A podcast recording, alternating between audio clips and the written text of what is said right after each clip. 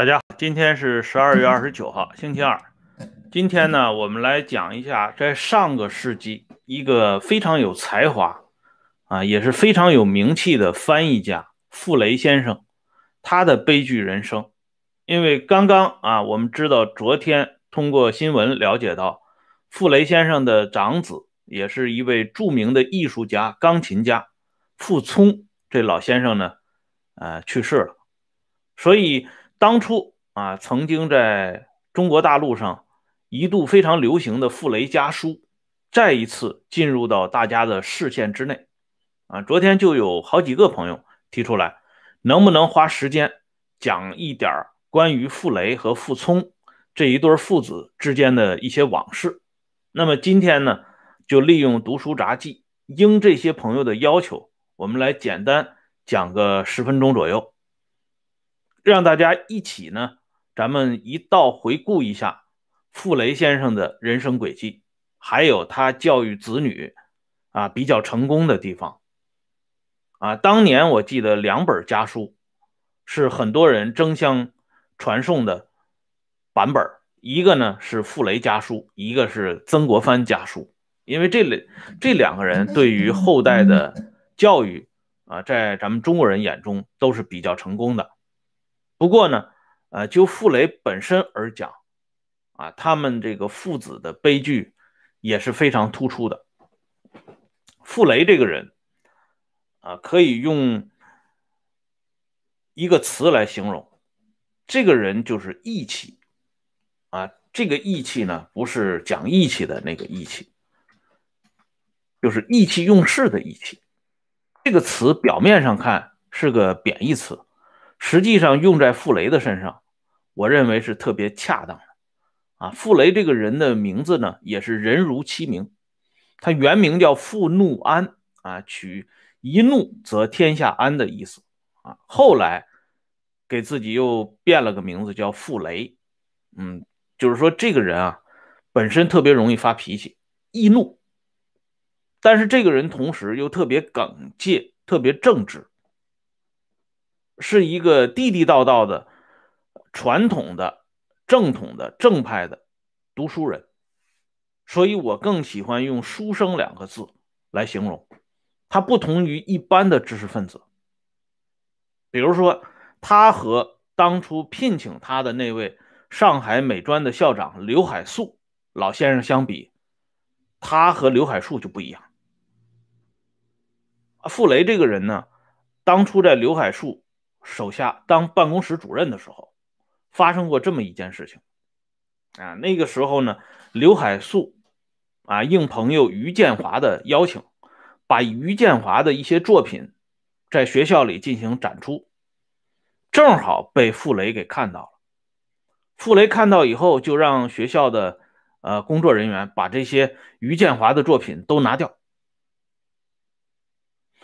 刘海粟就问傅雷为什么这么做啊？傅雷说：“这个人的作品太俗气了，他没什么真本事，就知道抄书，所以这些作品不足以啊让人们来关注。”要知道这些话呀，出自于一个二十三岁的傅雷之口，然后针对的是一个比他大十几岁的于建华先生。这在当时来讲，真的给人感觉就是意气用事，就说你这个人一点人情世故都不懂。于建华和刘海粟是什么样的关系啊？而且人家刘呃于建华跟你傅雷而言那是前辈啊。中国人讲一个起码的尊重啊。但是傅雷不计较这个，傅雷就是就事论事，我就说于建华的作品，我没有提于建华本人跟我有什么关系啊，他跟刘海粟之间有什么关系？所以这个事情提出来以后，连刘海粟都觉得傅雷这个人啊，你实在是太不通人情世故了。可是于建华这个人很宽容，很大度，他听到这个消息以后，他就乐了。他说：“傅先生说的也没错，我这个人实际上连抄书的本领都没有。我现在正在练习的就是抄书的本领。而傅先生能够一眼看出我的毛病，那说明我抄的功夫下的还不够，那以后呢，我还要更加精进。这个于建华啊，了解中国美术历史的，尤其是现当代美术历史的人都知道，这是一个很有造诣、很有名气的人。他对顾恺之、顾恺之啊研究的很透，而且这位于建华先生也是一位表里如一的人。后来傅雷被打成右派的时候，门可罗雀，傅建华从南京跑到上海，专门去看望傅雷。哎，所以呢，从这个例子里边，我们就可以看到傅雷这个人，他的这个性格，你可以说他是特点也好，弱点也罢，就是这么一个人。这一点呢，又让我们想到当初陈独秀的一个故事啊，陈独秀。曾经看过沈尹默的书法，看完以后，陈独秀脱口而出说：“这个人的这个写的这个字啊，俗气入骨。”这陈尹呃沈尹默就在旁边，听完以后啊，气坏了，就觉得这个人简直说话真是不招人听。但是后来，陈独秀和沈尹默呢，居然成了非常好的朋友。啊，所以呢，从陈独秀到傅雷，我们看到这些书生气质的人性格当中非常宝贵的一样东西是什么呢？赤子之心，就是一颗小孩子的心，看到不对的地方脱口而出。啊，他不管这个时间呢、环境啊、地点、背景等等，我认为不对的，我就要讲出来。实际上，一个正常的社会。是应该容忍这种人的，可惜的是呢，这只是人们的一种憧憬和希望。傅雷这个人的主要特点就是义不受辱啊，他特别强调这个人格的问题，独立人格。他在给儿子傅聪家书当中啊，要求儿子傅聪做什么样的人呢？首先一点就是不为物役，不为人使，就是不要甘心去充当别人的工具啊，要有一个独立的人格。这是傅雷寄予他儿子傅聪最大的希望。他跟他儿子说过这样的话：“他说，你首先要做人，然后去做一个艺术家。”然后做一个音乐家，最后你才去做一个钢琴家，啊，就强调做人的概念。而且他提出的第二点，对儿子提出的第二点，就是要甘于寂寞，不求身外之名。他说，耐得住寂寞是人生的一大武器，更是艺术家的一大武器。艺术家特别需要冥思，需要默想。而不要去扎到这些热闹的氛围当中去，迷失了自我。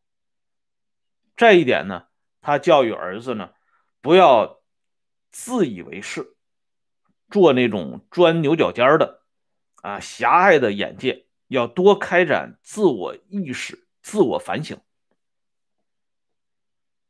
用冷静的、客观的批评的精神，不断的检查自己。才能够成为一个真正的艺术家，啊，这是傅雷不厌其烦的给儿子在信当中传递的消息，而且他要求儿子啊，经过一段时间以后，就要静下心来，思索一下自己过去走的这一段路程，啊，有哪些正确，有哪些谬误，哎，这一点呢，很符合中国古人讲的啊，五日。三省吾身。傅雷这个人说他义不受辱，强调独立人格，这是贯穿始终的。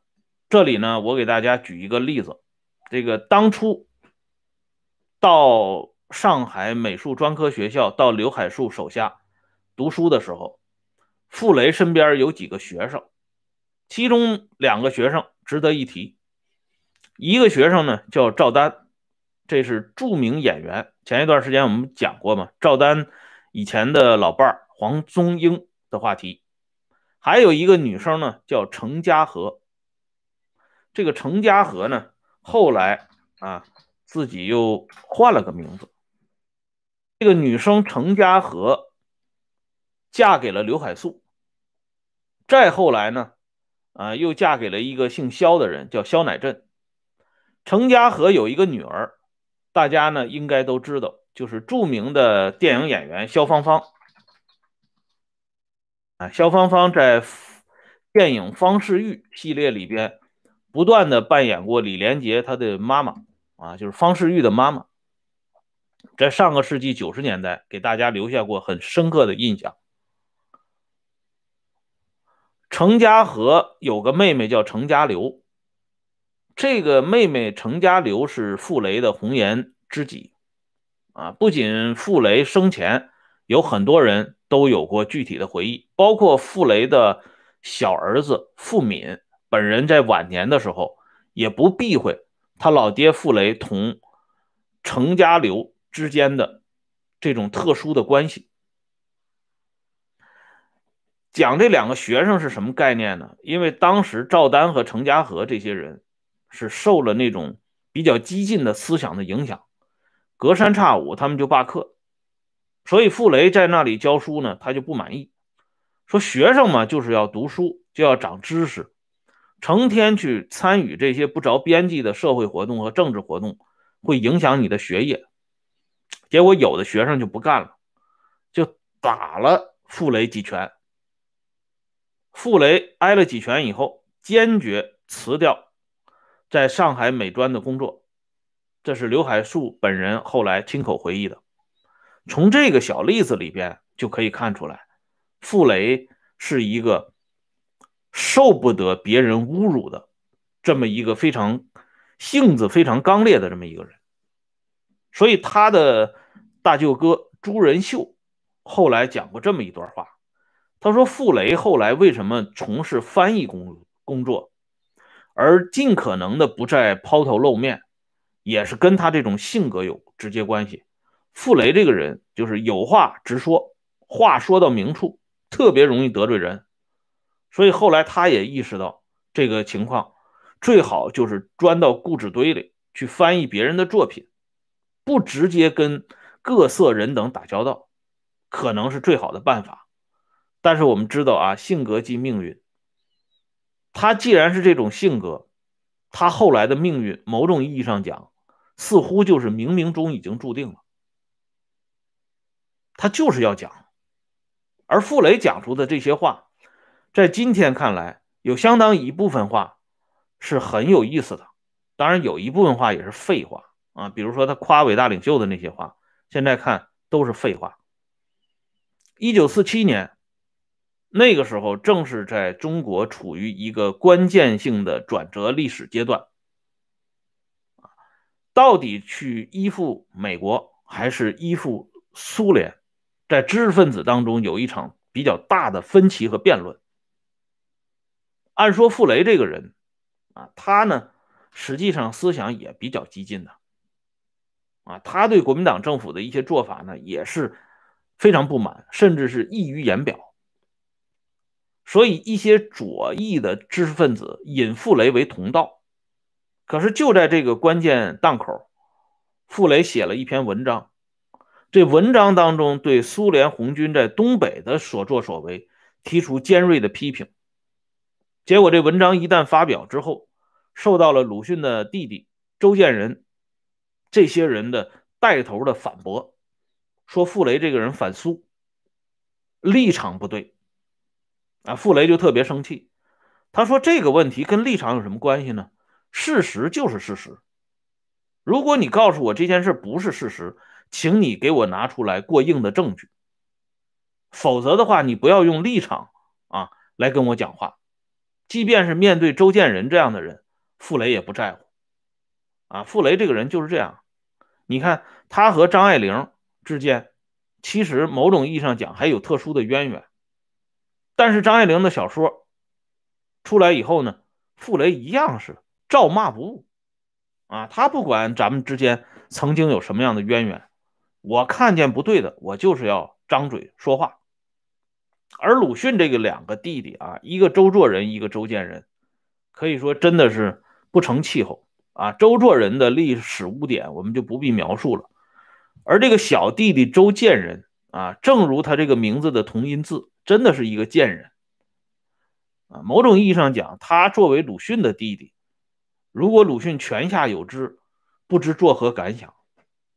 嗯，这个人一辈子就是利欲熏心，功名利禄，哎，当然呢，爬的也非常成功，最后在嗝屁之前捞到了党和国家领导人的地位。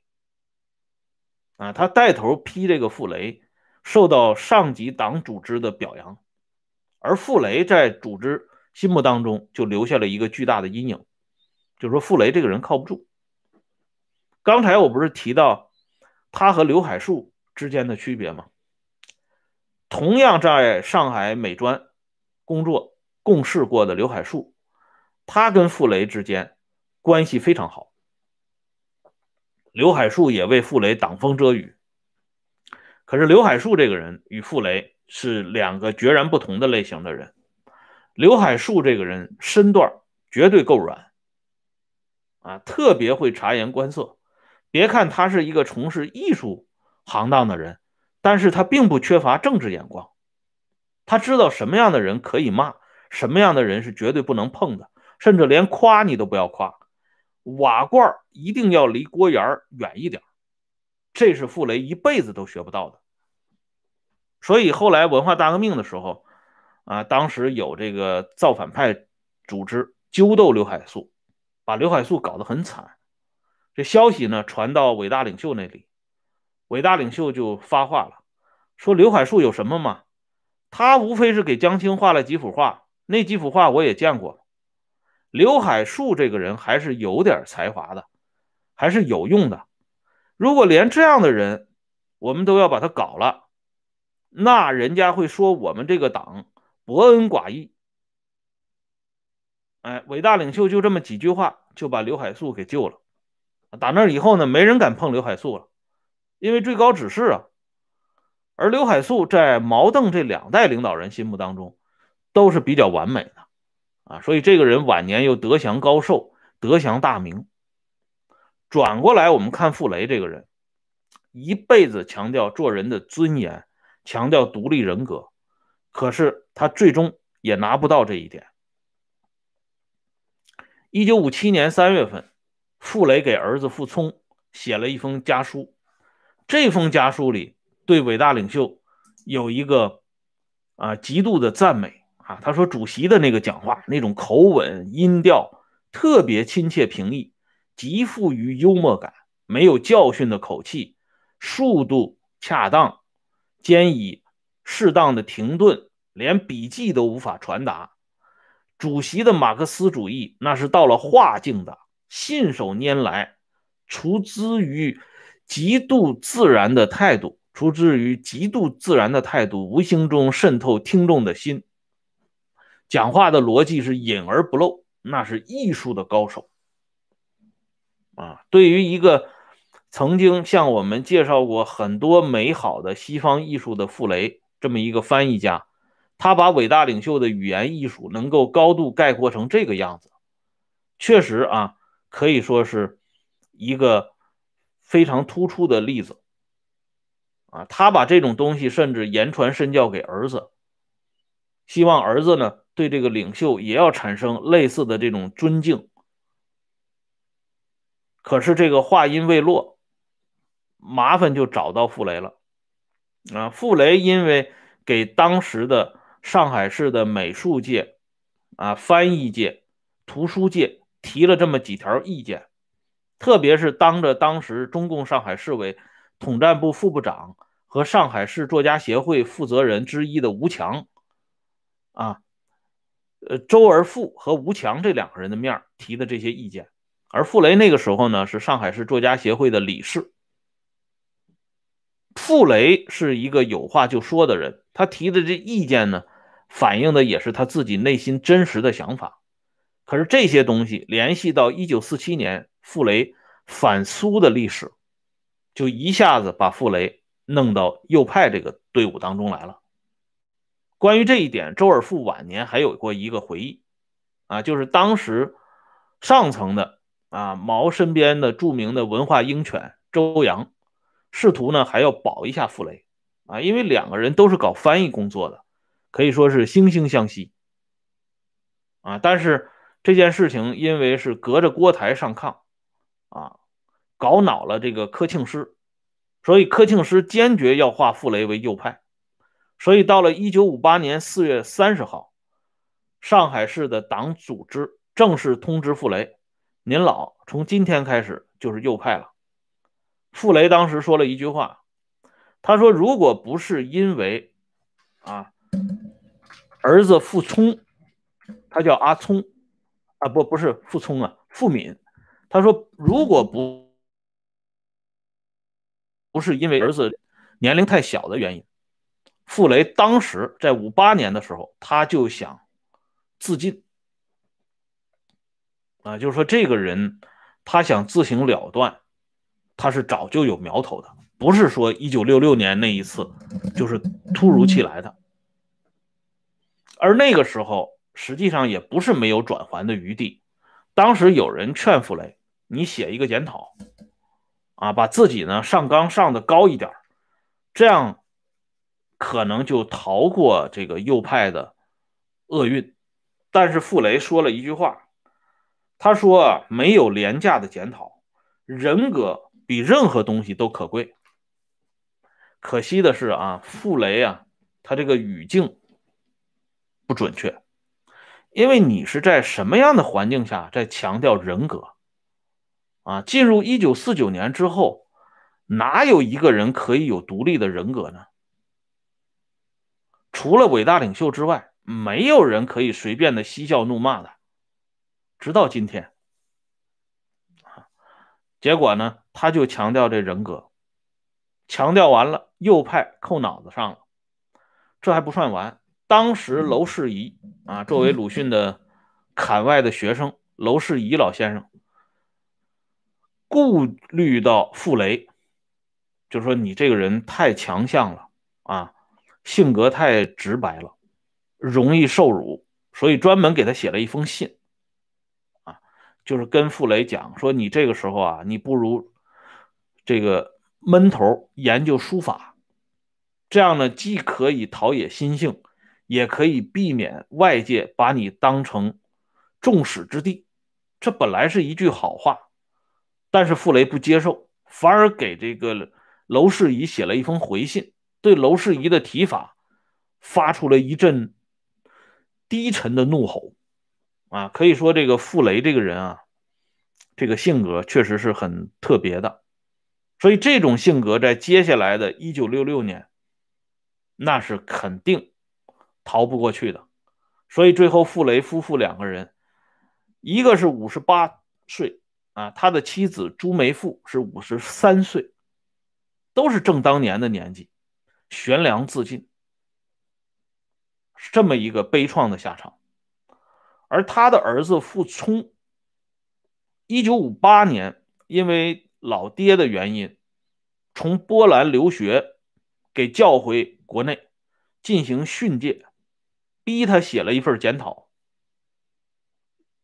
写了检讨之后的傅聪才被允许回到波兰继续留学生涯。这个时候呢，傅聪也意识到，如果继续留在波兰，留在社会主义阵营。就他老爹这个事情呢，他恐怕过不了关，所以后来他远走英国，到最后呢，一直就留在英国了。由于傅聪的这种做法，给傅雷造成一个雪上加霜的概念，但同时又由于傅聪日后在钢琴艺术界名气越来越大，这件事情呢，就显得有碍观瞻。这个时候。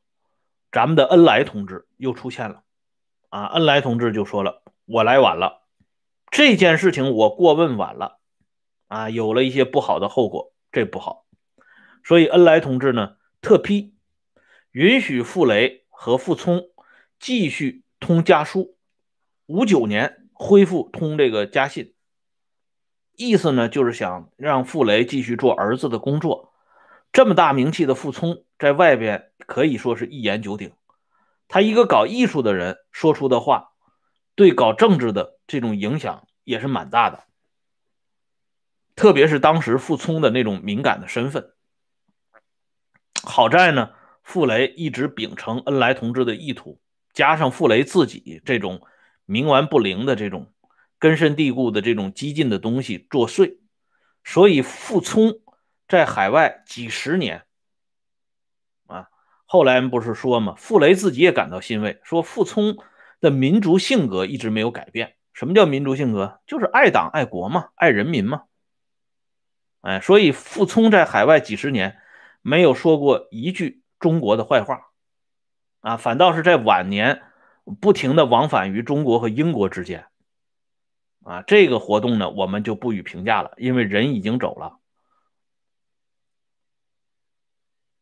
那么从这些例子里边，我们既可以看到啊傅雷比较正面的东西，也可以看到这个盐碱地传统知识分子，即便是像傅雷这样刚直不阿的人，他们身上的弱点呢和缺陷也是显而易见的。正是由于这些缺陷和弱点，最终让那一代知识分子葬身于盐碱地之中，或死或残。无一幸免，甚至呢，他的这种东西带有遗传性的，甚至波及到儿子身上，啊，但是因为傅聪先生已经远行了啊，我们对他的这些功过是非不予张皮。他们家现在唯一幸存的就是他的小儿子傅敏，甘心做一个非常普通的中学英语老师，但是傅敏在文化大革命当中呢，也是因为父母的原因。两次啊，愤而自尽，幸好被大家给抢救过来了。早年的生活也是非常坎坷的。最后呢，我们想提一下傅雷他的夫人朱梅馥，这位女士啊，是一个良可好叹的女人。这个人一生啊，短短的五十多年的命运，让我们看到非常心酸的一面。傅雷这个人才华横溢，啊，这种才华横溢的人呢，再加上有这种艺术特质，他在男女关系方面就不是那么谨慎，啊，这点上他不如鲁迅，所以他在法国呢，啊，就有这个女伴儿，啊，回了国呢，刚才我介绍这个萧芳芳的小姨程家流跟这个傅雷关系呢又忽明忽暗。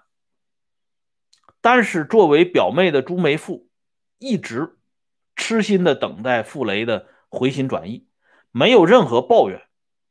所以，傅雷后来这个人啊，傅雷这个人确实是一个正派人，他是隔于承诺，嗯，答应自己表妹朱梅馥了这个婚姻，所以他最终把法国的那个女朋友抛弃了，还是跟朱梅馥结成百年之好。而且他跟程家流关系那么热络，但始终还是啊将程家流呢拒之于门外。而朱梅馥呢也非常理解丈夫对程家流这种深沉的爱恋，所以有的时候呢，她也是睁一眼闭一眼啊。这个程家流到家里来跟傅雷进行切磋的时候，朱梅馥都不予以干扰啊。这个女性用中国传统的标准来衡量。真的近乎于完美啊！当然，人家傅雷跟程家流之间的交流不是咱们当代人想的那种啊交流，人家是正常的那种男女之间在艺术上的交流。但这也已经非常可贵了啊！这朱梅馥这个人实际上原来也是挺有小姐脾气的，可是为了傅雷呢，他就是一直隐忍。啊，为了傅雷，把自己的性格改变了。他在这个家里协调傅雷和他的两个儿子傅聪和傅敏，那是很有功劳的。因为傅雷这个人，我说过脾气非常大，儿子学习呀，儿子的一些生活小节，傅雷都要干预。比如说，两个孩子非常小的孩子，六七岁的时候，啊，小孩都有听大人呃谈话的习惯。傅雷跟大人在聊，呃，跟他们的朋友在聊天的时候，这两个儿子傅聪和傅敏就坐在台阶下，就是偷听。这傅雷一看到之后就发脾气，然后朱梅馥呢就挡在前面，表面上说两个儿子几句，其实呢就是避免丈夫把这邪火发到儿子的身上，给儿子呢造成心理上的不舒服。这个妈妈是很合格的，哎，所以没有啊人在接触傅雷夫妇之后不夸朱梅馥是贤妻良母的。傅雷这个人脾气很大，啊，有一次刘海粟直接就对傅雷提出批评，他说：“你对儿子教育我不反对，但是你不能动粗。”傅雷有一次因为傅聪学习的原因，把这个瓷盆子直接扔到这个傅聪的脸上，把这个傅聪的鼻梁呢扎了一个伤口，后来这伤口一直留了疤痕。刘海粟就就这个事儿，就跟傅雷提出交交涉，你这个做父母的动手就不对了。